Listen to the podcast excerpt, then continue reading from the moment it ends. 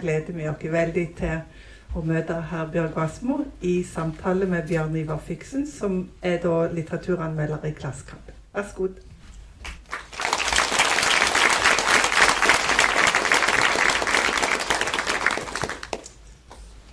Tusen takk. Um, ja, vi, vi, skal snakke om um, Vi skal snakke mye om den nye boka, 'Den som ser'. Um, uh, og jeg regner jo med at uh, veldig mange her har, um, har lest den Dina-trilogien som, som, du avslutta for 20 år siden, er, det nå? Så jeg, jeg, har veldig lyst til å snakke en del om Dina-skikkelsen. Men jeg tror kanskje ikke vi skal si så veldig mye om handlingene i de tre bøkene. For jeg, jeg, regner i grunnen med at dere eh, kjenner til de bøkene. Men vi kan kanskje si litt kort om hva øh, den nye boka hva den, uh, altså korte trekk hva den handler om. For den avsluttes Nei, den begynner, mener jeg, nøyaktig der du avslutta trilogien for 20 år siden. ikke sant? I begravelsen til Dina der Dinas barnebarn Karna holder en uh, tale. Altså hun, hun vitner for menigheten om, om Dinas store hemmelighet, som er at hun har begått uh, to grove forbrytelser. Hun har, drept to menn. Og etter uh, den påkjenningen uh, det er at uh, å, å, snakke sånn foran menigheten, så blir altså Karla får et sammenbrudd, rett og slett. Blir stum. Og så tar stemoren hennes, Anna, henne med til et, til et, sykehus i København for å få behandling. Et sinnssykehus, kan vi vel si. Ja, det kan man trygt si. Um, og jeg bare lurte på uh, um, Ja, for 20 år siden, da, da, da du avslutta Det føltes veldig som en, som en avslutning. Så, så, så, hvorfor starta du på igjen nå, 20, 20 år seinere? Følte du at liksom, den Dina-historien trengte en korreksjon? Nei, ikke Dina-historien. Den trengte ingen, ingen, fortsettelse, egentlig.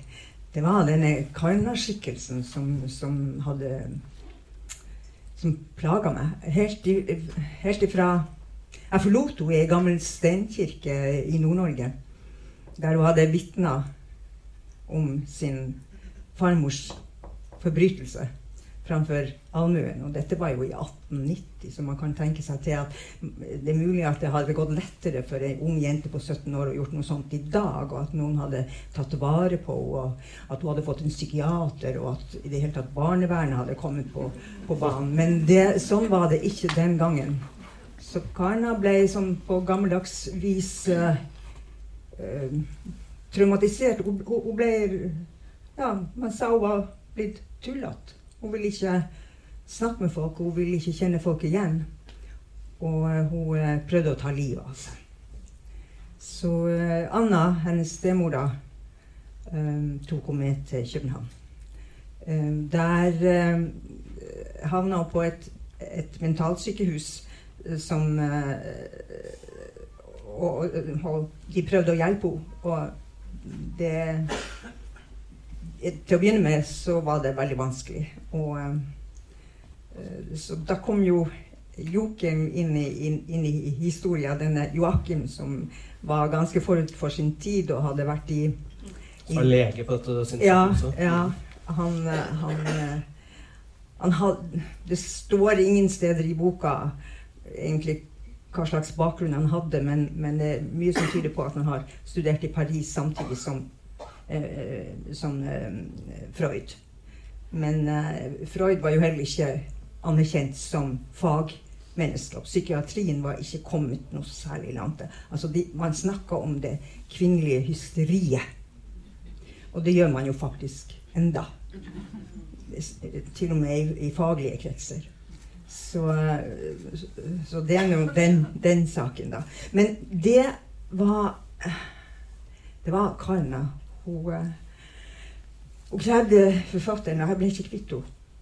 Jeg, følte ansvar. Det er jo veldig ofte at jeg føler ansvar for de menneskene som, som, jeg, har, eh, som jeg har brakt inn i bøkene. Eh, men det, var i særlig grad Karna. Og eh, så tenkte jeg etter flere år og flere bøker, så tenkte jeg at jeg, jeg kunne jeg kunne bare begynne å skrive for meg sjøl. For jeg, det var jo altså det var jo gal-Mathias å, å, skrive fjerde bok når Dina var død. Jeg, jeg tenkte ikke på at hele, hele familiepsykologien er forbundet med de menneskene som på godt og vondt er pressa sammen i en, i en relasjon.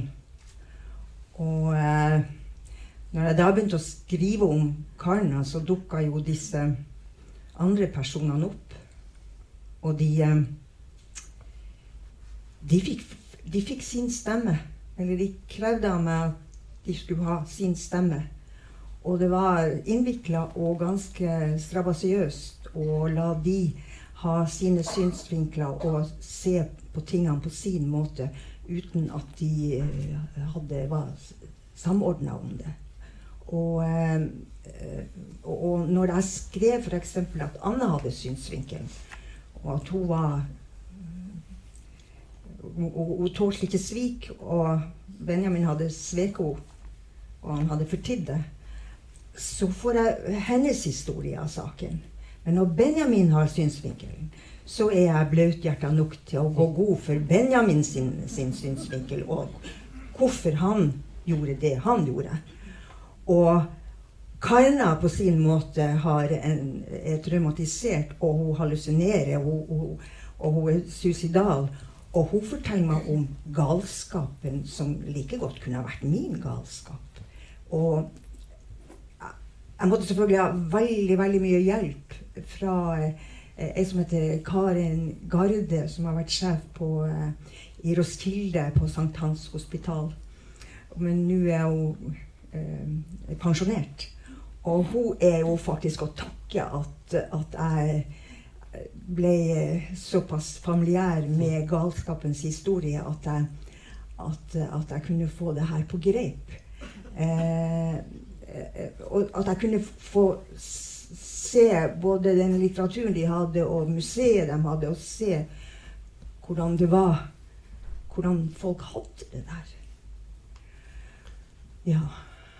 Ja jeg lurte på om vi kunne snakke litt mer om denne såkalte galskapen til uh, Karna, for den har jo flere, flere sider. Um, uh, for eksempel så sier denne legen på mentalsykehuset Jeg er ikke sikker på om det er Joakim eller om det er overlegen. Men jeg har notert meg at legen her sier at Karna ser på seg selv som et vitne til det som ikke kan bli sagt. Uh, som, hun er et vitne, og der har vel kanskje tittelen på boka. Hun er den som ser, ikke sant? altså et vitne. Uh, og Anna, altså stemoren, sier om Karna at Dette sier hun da til Karnas far, at 'jeg tror som du at hun ikke er gal'. Men hun vil ikke lenger være delaktig i denne verden. Hun har gjennomskuet oss alle. Så altså ikke gal, men et vitne og den som, som, egentlig ser klart, da. Um, tenker du også at hun, hun gjør det, eller altså er, er, Det er kanskje begge deler. At hun er forvirra, men hun ser kanskje noe de andre ikke ser også? Ja, helt åpenbart. Men det er jo ofte at forfattere også gjør det. Så det det vil jeg jo si. Hun er, Karna er jo epileptiker mye mye hardere ramma enn meg. Jeg er jo bare en liten hverdagsjumpenisse som av og til driter meg ut. Men, men, men uh, Karna er, er veldig hemma av sin epilepsi. Men det fører jo også til at hun har uh, hallusinasjoner i oppvåkning, f.eks. etter et anfall. Og, og um, bortsett fra at at hennes galskap nok ikke var epilepsien bare, men at det pusha på. Det kan jeg godt forestille meg, men jeg er ikke fagmenneske nok til å uttale meg. Nei, men Hvorfor har du gitt Karna uh, epilepsi, egentlig? Altså, tenker, ja, hva du tror? Ja, men, altså, jeg skjønner at uh, du har erfaring med det selv. ja.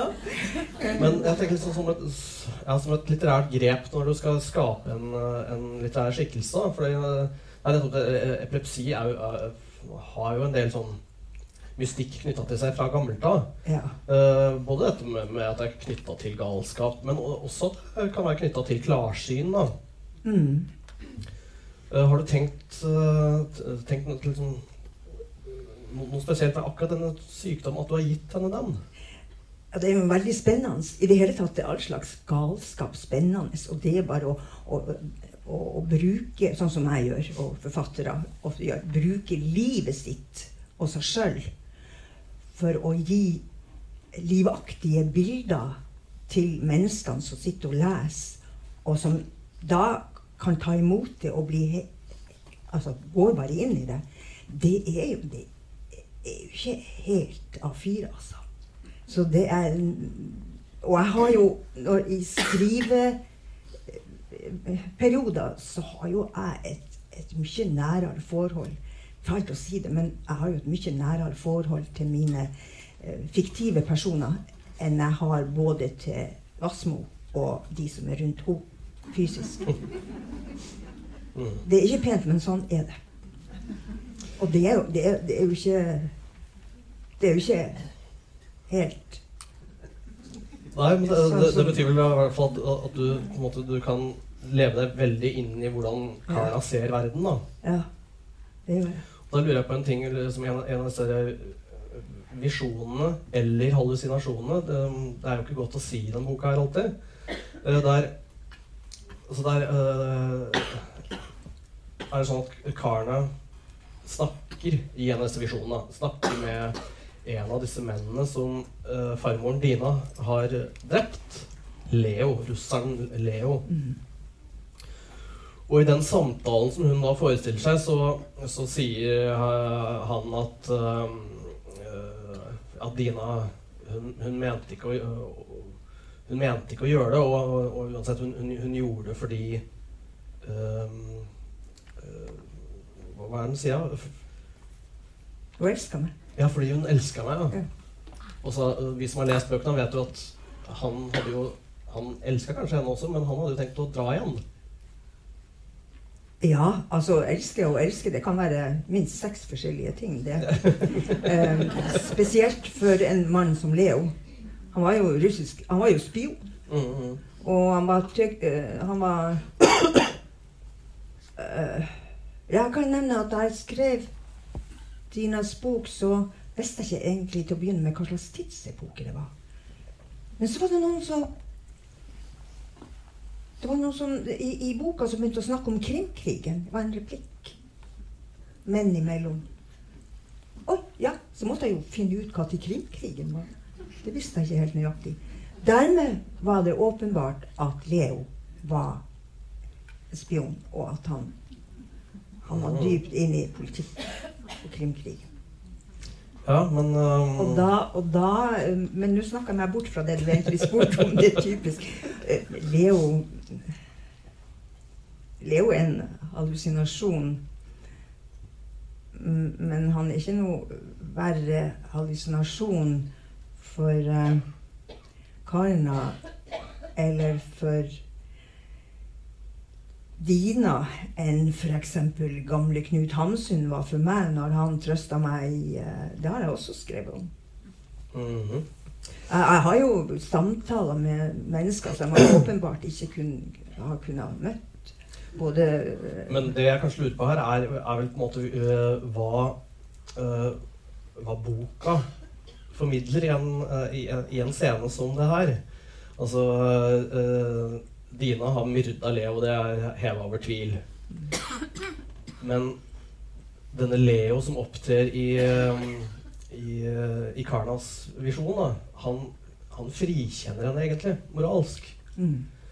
Uh, og, og, det lurer jeg på um, kan, kan, vi stole på, um, på Karnas visjon der, eller er hun rett og slett forvirra? Det, det ønsker jeg ikke å ta stilling til. Hvis du er forvirra, så er det en veldig fryktbar forvirring. For, for jeg, jeg, trodde på det. Jeg trodde at uh, At Leo, kanskje til og med i dødsøyeblikket, var klar over sitt svik. Mm. At han ikke var åpen med Han burde ha fortalt uh, Dina om, om, hvem han var. Hun reiste jo faktisk til, til Trondheim når han var satt på tukthus og prøvde å redde livet hans. Mm. Men hvis vi da holder uh, hallusinasjonen til Carla borte og går tilbake til den, den drapsscena i Dinas bok, da. Ja. Ha, har Dina rett til å gjøre det, det hun gjør der? Selvfølgelig har jeg ingen rett til å ta andres liv. Og likevel gjør vi det hele tida. Mm. Det, det, er ingen rett vi har. Nei, uh, men, men, det sier jeg som menneske og moralist. Mm. Og likevel så må jeg jo uh, tilstå at uh, det, Jeg føler meg ikke så veldig fjern fra at, at det kunne jeg også ha gjort. Ja, det, det, det, lurer jeg litt på. Um, for liksom, hvor, hvor, hvor, kommer um, Altså, hvor, kommer en sånn person som Dina fra? Altså, altså hva, hva, slags litterær skikkelse er hun som, som, kan gjøre sånne ting? da?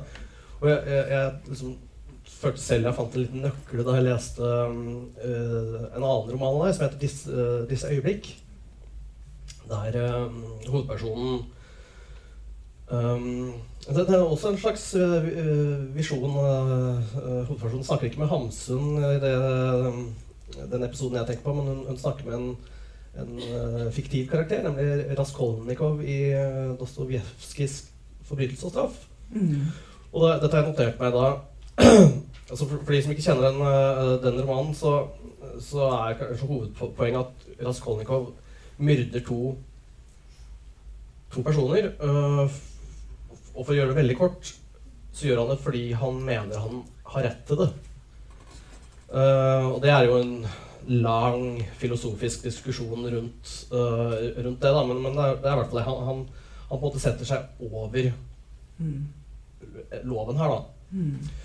Uh, og så sier denne hovedpersonen i disse øyeblikk til sin forestilte Raskolnikov at du gjorde det for å bevise at du var sterkere enn alle andre. At det var du som bestemte når, Gud, når, ikke Gud gjorde noe, så gjorde du det sjøl, sier hovedpersonen. Og så fortsetter fortsetter med at hun kunne også tenkt seg å, um, å myrde. Mm. Og så sier hun helt til slutt um, Jeg vil at du skal være bror min, Raskolnikov. Mm. Uh, og, og, hvor mye det er av, av, deg som forfatter i den uh, hovedpersonen, det behøver vi ikke å, å, å snakke om. Men, men, mitt spørsmål er vel egentlig om, om, det heller ble Dina som ble Raskolnikovs søster. Den som setter seg litt over både menneskets og Guds lover, på et vis. Ja, jeg følger tankegangen din, og jeg skal ikke, uh, skal ikke si noe om det. Men, men det igjen Vi må forstå i hvert fall må forfatteren inn i problemstillinga. Hvorfor ble Dina sånn? Mm. Hvorfor trodde hun at hun måtte De som ikke ville være hos henne, for å ha dem hos seg, så tok hun simpelthen livet av dem.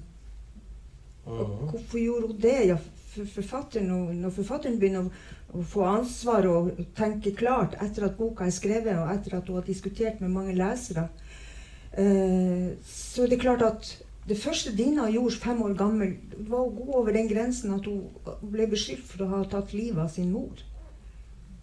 Og utløse en, en, en, en, en sånn bryggepanne med lut uh, over sin mor, så hun brant til døde. Og etter det så var, det så var, hun en unge som ingen ville ha noe med å gjøre. Faren hennes, hele samfunnet. Var, så hun ble satt på en låve, og, og, hun ble også stum. Mm. Og det var musikken som redda hodet hans. Så det, det er uh, ja, så, ja, det er jo et skadebarn. Ja. Mm.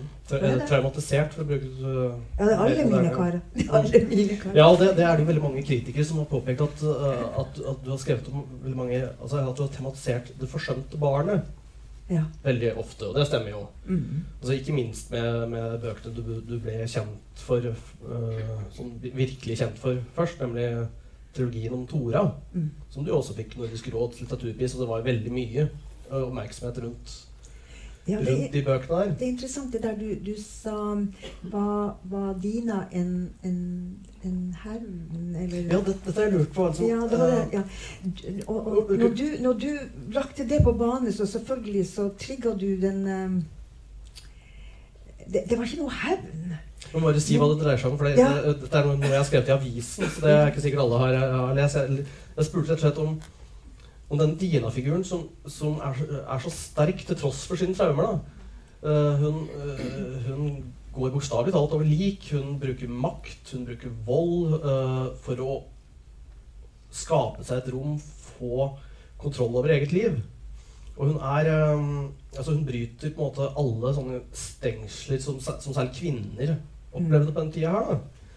Eh, så Derfor så spurte jeg i avisen om, om jeg uh, kunne forstå liksom, Dina-figuren som en slags sånn litterær hevnfantasi. Sånn en hevner på vegne av, av all verdens toraere, da. Ja, det, vel, det, det, skal, det, skal ikke jeg se bort ifra. At, men, men ikke som en hevn, men som en befrielse. Som en, en, en, en, styrke. Og jeg visste jo også at sånne sterke kvinner, eller sterke Man kan diskutere hva som er styrke, da. Men at slike kvinner eh, har, har fantes, de fantes i, eh, i det miljøet som da Dina havna i etter hvert. Mm. Eh, nemlig å, en, en væreiergård. Der man eide ikke bare gården og, og folkene og, og båtene og husene men, eh, og alle de rikdommene som fulgte med det, men man eide menneskene. Det, folkene var livegne på den tida. Ja, så hun blir jo veldig mektig. Hun ble veldig mektig. Når hun ble enke, så ble hun virkelig mektig. Og det ble hun jo tidlig. Ja, det sørga hun jo for. da. Mm. Mm. Det sørger hun selv for. Og sånne, og, og sånne gamle rettsprotokoller, de, de har jo Der var det mye, mye, mye artig å, å lese. Altså. Det var ikke bare stusslige kvinner. I det hele tatt, kvinnene i Nord-Norge, de Ja, ja, nå ser jeg dem kanskje i et spesielt lys, men kystkvinnene, la oss si det sånn, de, de var ikke så stusslige. De, de var herskere hjemme. Nei, så, så du tenker at hun, øh, sånn, I et historisk perspektiv så er hun ikke en ure, urealistisk person. Nei, på ingen måte. Men hun er allikevel en ganske sånn, eksepsjonell person. Uh, ikke minst disse, disse bøkene dine. Altså, det er jo bare Dina som blant kvinnene som får seg denne uh, posisjonen og dette, den makta og dette handlingsrommet som, som henne. Så hun er enestående i disse bøkene. Ja, hun virker jo ganske skremmende, så jeg, jeg var jo ganske engstelig for henne mens jeg skrev. Ja, hun, er livs. Jeg jeg forstår godt at ganske mange menn betakker seg. Ja, Og, men da gjorde jeg jo den vrien, da, som jeg kan, igjen kan se i ettertid. Jeg, jeg fikk veldig god kontakt med hennes sønn. Så Benjamin og jeg, vi har hele tida hatt en, eh, en dialog som, eh, som mange, som mange kan misunne meg. Altså. Han har fortalt meg så mye om hvordan en, menn, hvordan en mann eh, av hans kaliber, også med ei sånn en mor og en Han var jo farløs, da. Det vil si, han trodde han var farløs. Hvordan de, hvordan de må finne sin egen agenda. Men det er én ting med, med Dina som jeg må forsvare. Jeg må forsvare, Ja. Hun sendte altså den, den, den eh, sønnen sin ut i verden for å få en utdannelse. Mhm. Hun, hun, eh, hun sendte han til København. Han skulle bli eh, lege. Og, ja, sendte han på skole i Tromsø. Og det, det er jo anbefalesverdig for alle mødre og, og fedre. Å sende sine barn til utdannelse. Og så forlot man? Ja, hun forlot jo eh, hun, hun rømte jo. Ja. Mm. Det, det var jo det hun gjorde. Hvorfor gjorde hun det? Hun hadde var vel redd for å bli tatt. Hun var ikke et menneske som ville være sperra inne. Hvem, Mm. hvem vil være sperra inne? Den eneste som kan klare det i lengda, det er vel, det er vel forfattere. For de kan jo, hvis, hvis de får skrive, så har de jo, kan de jo bare Hvis de har noenlunde varme på beina og får mat, og, så må jo de Altså, Mhm. så det, I svarte øyeblikk så har jeg sagt ja, bare kom og ta meg. Bare jeg får skrive. Bare bur meg inn. Men det er selvfølgelig altfor tøft sagt. Ikke sikkert. Ja, det, altså, jeg, jeg forstår jo veldig godt at du som uh, forfatter ikke, ikke vil øh, felle noen moralske dommer over dine egne karakterer, men du tematiserer jo masse moralske spørsmål. Ja. Og f.eks. I, i den boka 'Lykkens sønn', som, altså der Benjamin i størst grad er hovedperson, så um, der har du der har du masse sånne små Er det epigrafer det kalles? Sånne små motor. um, Det har du for i Dinas bok også, der, der er det mest fra Bibelen. Ja. Men uh, i uh, Lykkens sønn der har du også veldig mye fra uh, Kirkegård. Fra den boka som heter 'Frykt og beven'. og jeg er ikke noe Kirkegård-kjenner, men så vidt jeg vet, så er det en slags sånn moralfilosofisk undersøkelse som tar utgangspunkt i denne bibelske fortellingen om Abraham som er i ferd med å uh, ofre sin, uh, sin, sønn Isak. Så han, han, setter seg Han setter på en måte moralen til side da, for en høyere sak, nemlig uh, Gud. Eller lojaliteten til Gud, er det vel. Um, hvorfor, hvorfor, knytter du det, den tematikken her så sterkt til lykkens sønn? Foregår det noen form for ofring i den boka der? Altså, det er jo Benjamin på grunn av Benjamin og min, mitt uh, tilhopehavende med han at jeg skrev han. Det er han som har gjort meg oppmerksom på Kirkegård. Jeg var ikke, jeg var ikke verken så kjent med Kirkegård eller så belest med Kirkegård annet enn gjennom studiet. Så jeg hadde jeg var ikke dypt inni det. Men, og, men, grunnen til at Benjamin gjorde det, det tror jeg er nettopp det der foreldresviket. Eller det han oppfatta som foreldresviket. Det å sette noe annet så høyt at du er villig altså F.eks. religion. Det er, det er, jo ikke fremmed for oss i dag. Det er jo flere religioner som setter sin religion så høyt at de er villige til å ofre sine barn. Sine døtre, ikke minst. Mm. Um, så, så det, og jeg ble litt klokere, men ganske forvirra også av, av, Benjamins protest, for han diskuterte jo det her med, med folk. Og, og, og, det var helt åpenbart at han eh, han, hadde, han, fortreng, han, fortrengte at han faktisk var eh, et, et svikta barn som ikke verken visste om sin, sin eh, bakgrunn eller Eller han trodde jo Jakob var faren hans. Og det var jo ikke, mens faren hans mhm. var en helt annen. Så det, det, er sånne ting kvinner gjør, altså. Det er sånne ting kvinner Det gjør de hele tiden. Ja, det ja nå er det jo DNA, så nå er det vanskeligere å komme seg unna. Det var jo en sånn måte for eh, Dina til å, å videreføre sin makt, da. Ja. Fordi da, og, kunne, da, kunne, Benjamin arve gården, ikke sant? som han jo slett ikke var odelssønn til hvis det hadde vært noen DNA-test. Nei. Nei. Så ja, det, det, er mye uh, svik og bedrag og fortielse. Og det, fortielse er jo et viktig tema hos deg. Ja. Uh, da, da, kommer vi kanskje inn igjen på, på, på det med vitnet og tittelen på boka di og sånt noe. Fordi uh, det å fortie mm, Det er liksom det, det, er noe av det verste i disse bøkene. her. Altså, ja. uh, det, det, er flere av personene som, som, uttrykker noe om hvor ille det er med for. Men så, he, hele Dinas maktgrunnlag er jo egentlig basert på fortielse. Ja, hun måtte jo det hvis hun helt tatt skulle overleve. Ja. Uh, og, og, og, det der med fortielse, det, det kjenner jo jeg fra meg sjøl. Mm. Hvor viktig det er? Ja, altså tidlig i barndommen så måtte jo jeg jeg måtte bestemme meg for å leve, leve parallelle liv. Jeg hadde en fantasiverden. Og gudskjelov at jeg har så mye fantasi. Og så hadde jeg en reell verden som jeg bare uh, hadde i notatbøker, og som, og som jeg gjemte bort. Og som jeg ikke kunne fortelle verden, for det kunne jeg ikke Ingen, ingen trodde, ingen hadde vært i de groteske rommene som jeg hadde. Og, og, og jeg kunne ikke forlange at noen skulle tro meg.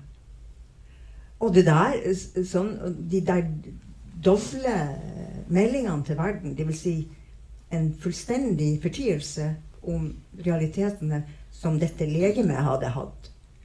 Mm -hmm. Eh, og det, det, det, det, det måtte jeg bare bære alene. Jeg måtte være mitt eget vitne. Og, uh, for ellers så kunne jeg ødelegge alt. Min mor, for eksempel. Mm. Men da um, seinere som um, Ikke som privatperson Vassmo, men forfatteren Vassmo, kan vi da si at du har begynt å snakke? Ja. Og at forfatterskapet er på en måte stedet der, der, der man da kan vitne om det man ellers har for tida. Da. Ja. Men det er eh, sånn som jeg bruker å si til, til spesielt unge mennesker som, som jeg treffer. Jeg treffer jo noen av dem. Eh, som er midt i krigen, og som ikke har tort å, å fortalt noen om sine traumer. Eh, for det, nettopp fordi de, de, er redd for å miste sin kjære familie. Eh, at jeg, jeg sier til dem at rop ut navn. Men det du må være klar over, det er at verden vil ikke ha det. De, de klarer ikke. Så du må ha rygg til å være alene. Og, og, og, selvfølgelig har vi hverandre. Men vi er jo også opptatt med våre ting hver for oss. Så man kan faktisk ikke regne med at, at, at, at verken eh, nære eller, eller, fjerne vil ha ekle historier. Nei, der har vi det, det kan man ikke regne med her inngår det jo i en uh, Hva skal jeg si en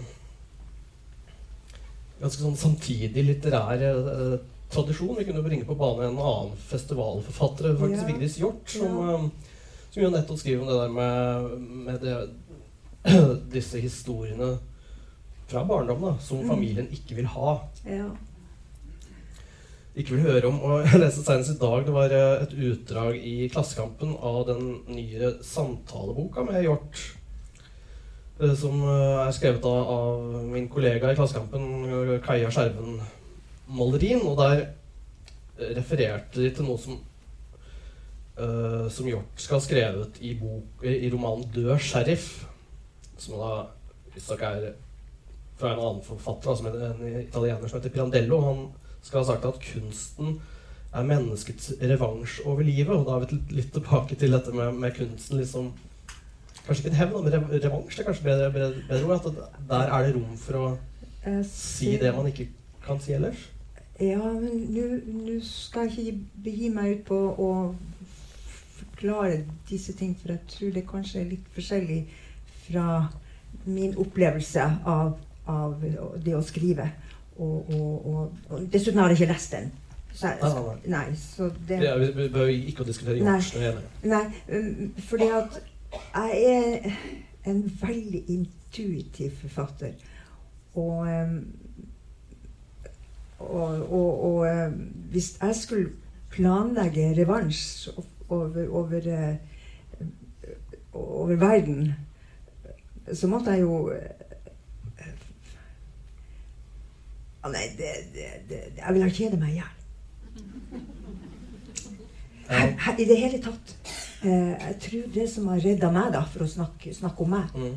eh, det var at jeg var Jeg ville ikke være noe offer. Jeg var rasende. Men jeg måtte skjule hvor rasende jeg var. Og der fant jeg en, en, en, en, eh, plass i, i, fantasien. Der jeg kunne være så rasende jeg vil. Og, eh, men jeg var jo klar over at det var den, eh, den, den, den morsomme, klovneaktige jenta som, som, som, som, oppførte seg ordentlig og var flink på skolen. Og det var det verden ville ha. Så, så når jeg skriver, så tar jeg fri fra, fra Jeg tar veldig fri fra Vassmo. Altså. Så når boka har fått permer, og jeg skal møte leserne mine, så er det jo en helt annen og uh, fantastisk uh, arbeids, arbeidssituasjon enn det å, å, å sitte og jeg kan se for deg at disse bøkene dine, når de har fått permer, at de kan hjelpe leserens fantasi til å på en måte finne fram den rasende Ja, det er det jeg håper på. Ja, ja selvfølgelig ikke bare raseri, men uh, raseriet det skal man jo helst kanalisere. Men, men empatien det, det, det, å skrive om forskjellige mennesker i en familie, sånn som jeg har gjort uh, det Empatien flyttet seg med den som har synsvinkel. Det er merkelig. Det er magi. Da må vi snakke om en person til som vi bare så vidt har nevnt. Uh, som, men som uh, jeg vil nesten si konkurrerer med Karna i, i den siste romanen om å på en måte være hovedpersonen. Nemlig stemoren uh, Anna. Synsvinkelen ligger jo mye hos henne også. Mm. Og hun Hun er ikke traumatisert og forsømt barn på samme måte som, uh, som Karna. Eller som Dina. Ja, Unnskyld at jeg avbryter, men, men Karna er egentlig ikke et forsømt barn. Hun er Nei. et elska barn. Hun er et elsket barn, men hun, er traumatisert. Ja, Ja. det kan jeg si.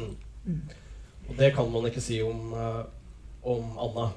Anna er et bortskjemt eh, overklassefenomen fra København. Mm. Faren hennes eh, er eh, hennes, hennes sorg i livet er jo, er jo at at hun ikke får pose og sekk hele tida. Mhm. Og um, jeg tror hun har mange medsøstre. um, men samtidig er jeg jo på Annas side når jeg skriver om henne, og jeg skjønner hennes forbannelse og, og om dette sviket som Benjamin har gjort. Og jeg skjønner jo at hun, hun, hun etter hvert når hun blir eldre, så forstår hun at hun reiste faktisk fra København til Nord-Norge for å gi seg sammen med denne, denne, denne provinslegen. Som etter mora sin, sine utsagn ikke, ikke kom til å drive det til noen ting.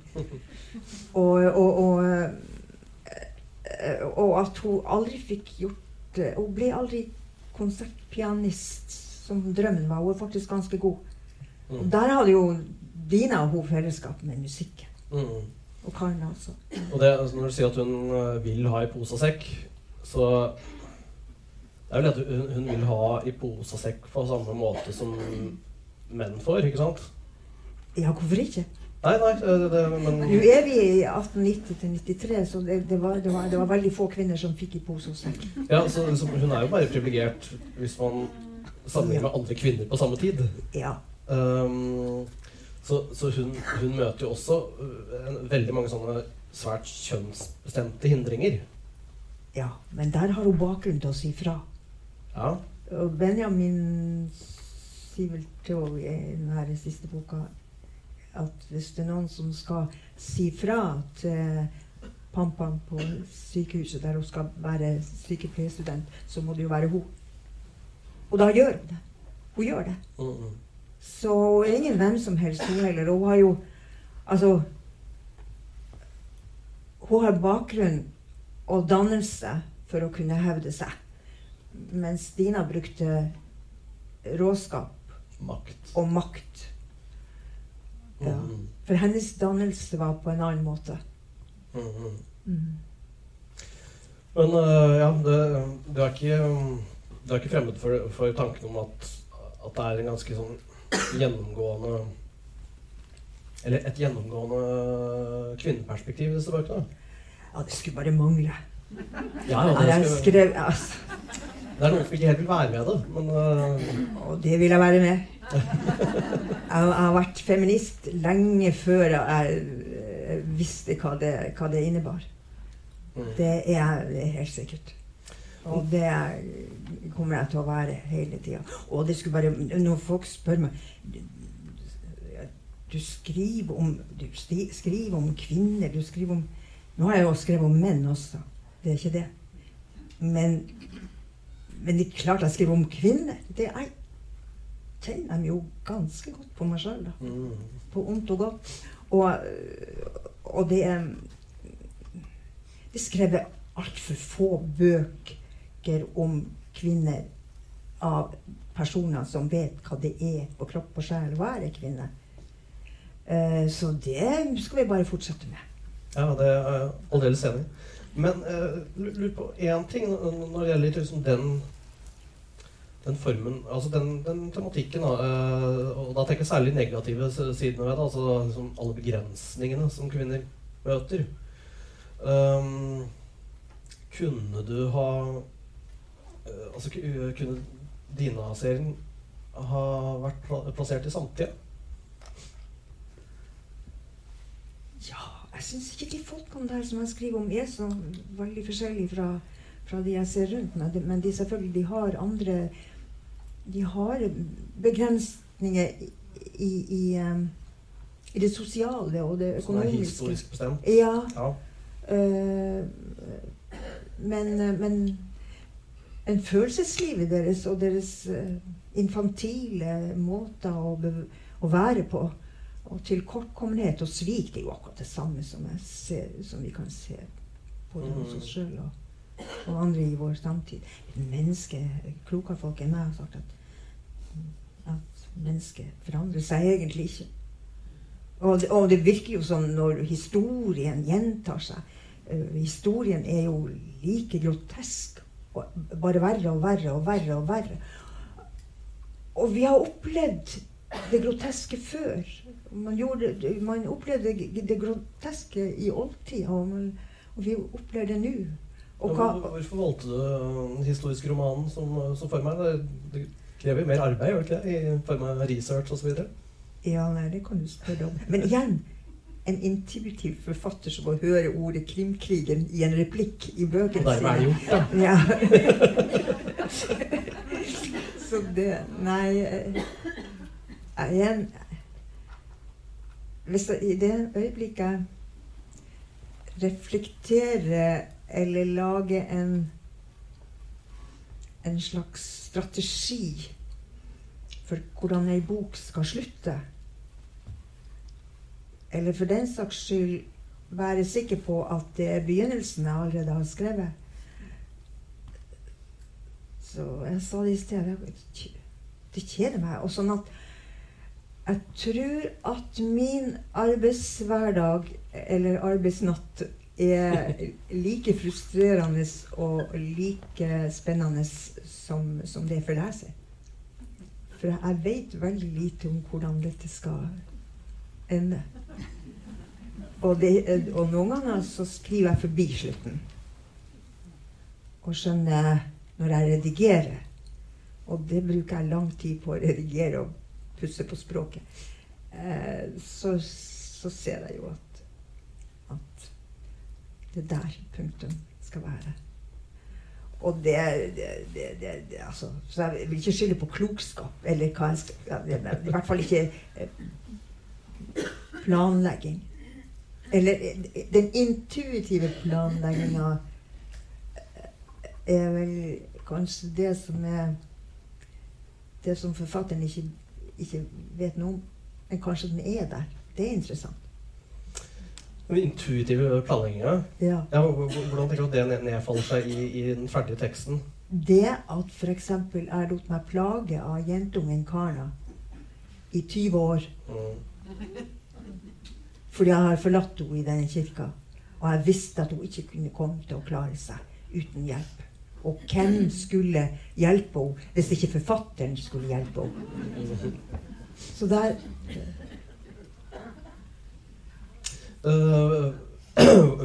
hvordan Nå har jeg ikke så lang tid igjen, men jeg må spørre deg når, når det gjelder den ja, intuitive skrivemåten hvordan Nå har vi snakka veldig mye om, om personen, egentlig. Um, ja. Du sa noe helt på slutten at du, uh, du også liksom pusser veldig mye på språket. da. Hvordan, ja, hvordan jobber du med det? Um, det, det er jo flere språklige retninger i bøkene. Altså du har F.eks. For eksempel så er det en annen målform på veldig mange av replikkene i forhold til det hovedteksten har. da. Hvordan tenker du deg altså, eksempel snakker personen snakker de dialekt rett og slett fordi de er uh, nordlendinger? Eller er det for å gi dem en spesiell klang?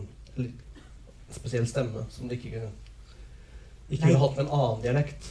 Det, det, det, det er jo nordlandsdialekten som er Jeg har jo laga mitt eget skriftspråk i nordlandsdialekten, som selvfølgelig ikke alle dialektene i Nord-Norge har. Men det er min og mine folk snakker den dialekten. Um, men så skal det jo også være lesbart. Så jeg må jo justere. Men, men det med språket er språket makt. Mm. Og uh, det er merkelig at for en sånn type som Peder, som ikke uh, I første omgang kan han virke ganske enkel, men han er ganske dyp og klok. Så når han snakker, så, så merker jeg at replikken er ferdig. Det er nesten ikke noe jeg behøver å gjøre noe med det. Og han, han sier de merkeligste sannheter eh, som jeg aldri har hørt før. På noe annet språk. Og, og, mens, og Benjamin, når han skal være godtatt i København med studiene sine, så er han såpass gløgg, den uh, unge mannen, at han, uh, han, han, han lærer seg dansk ganske perfekt. Og han snakker dansk når han er i København. Og han snakker dansk med, med eh, Anna. Mm-hmm. Men av og til, så, hvis det er noen sånne følelsesmessige greier, så detter han ut av det. Og når han eh, snakker med sine egne, eh, og når han kommer hjem til, til strandsteinen, så, så, snakker han nordnorsk. Han snakker nordnorsk med sine nordnorske pasienter. Men um, den delen av uh, romanen som ikke er replikker, altså den største delen av romanteksten, uh, lar du dette språket smitte over på den også, eller ser du selv på det som sånn normal Jeg skriver ganske, ganske konservative riksmål, tror jeg. Mm. Ja. Uh, og det, det syns jeg egentlig passer til disse bøkene. Og det er det jeg har lært på skolen. Så der kommer det Der kommer skoleflinke Pia. men, men uh, jeg har glede av å sjonglere med språket. Og jeg syns at det, det farger det, det, farger personene. Um, men um, jeg kan egentlig ikke forklare hvordan det hvordan det går til. Det, det kan jeg ikke. Nei, vi, vi må avrunde her nå. Eh, du, du, begynte jo som lyriker. Ja. Og denne romanen her eh, vil jeg si avsluttes med et dikt. Altså, det kalles et notat, men, uh, men, det er vel et dikt. Um, sist vi snakket sammen, så, så, spurte jeg publikum om jeg kunne lese de to siste linjene, og publikum sa nei. og Derfor spør jeg ikke nå. Um, de to siste linjene, de, de verslinjene i det, det diktet er Jeg skal ikke si hvem som skrevet dette her, eller hvem som sier romanen, men det går som følger Jeg som så sannhet har drømt. Um, så hvordan skal vi tolke det? Uh, kan det komme enda en versjon av, uh, av disse begivenhetene her? Uh, for nå, nå, Dette er på en måte i hovedsak Karnas versjon, den som ser, og den som på en måte vitner om hva som egentlig har foregått. Men ja, kan det være rett og slett at hun har drømt? Det behøver du ikke å svare på. Du, du mener at, at Karna har drømt? Ja, jeg sier jo ikke hvem som, hvem som uttaler disse ordene her, da. Så det jeg spør om, er egentlig Kommer det en fortsettelse? Har du bestemt deg for hvem som sier disse ordene? Nei, jeg tror jeg vet det, men jeg har ikke bestemt meg. Nei. Da vil jeg gjerne at de som leser den boka, skal få lov å bestemme det sjøl. De, og det skulle ikke forbause meg at det kom flere forskjellige bestemmelser. Men det med, med Men poenget mitt er at det, er, er, det gjør romanen så, er romanslutten så åpen. Så jeg lurer på Kommer det mer her? Det er mitt avsluttende spørsmål. Ja, hvis jeg skal Jeg har jo aldri sagt at jeg er ikke sånn som, som snakker om bøker som ikke har perme. Det er, altså Du kan snakke litt om arbeidet ditt. Ja, jeg snakker om arbeidet. Men, men, men vet du, jeg kan, jeg kan, ikke, jeg kan ikke jeg kan ikke snakke om hva jeg skal gjøre. Jeg bruker aldri å gjøre det. Én gang har jeg gjort det. Og det ble aldri noe av. Her skal jeg ikke teste meg, for dette har jeg faktisk hørt andre forfattere si. De har kasta hele romanen vår ja. fordi de begynte å snakke dem i hjel. Ja.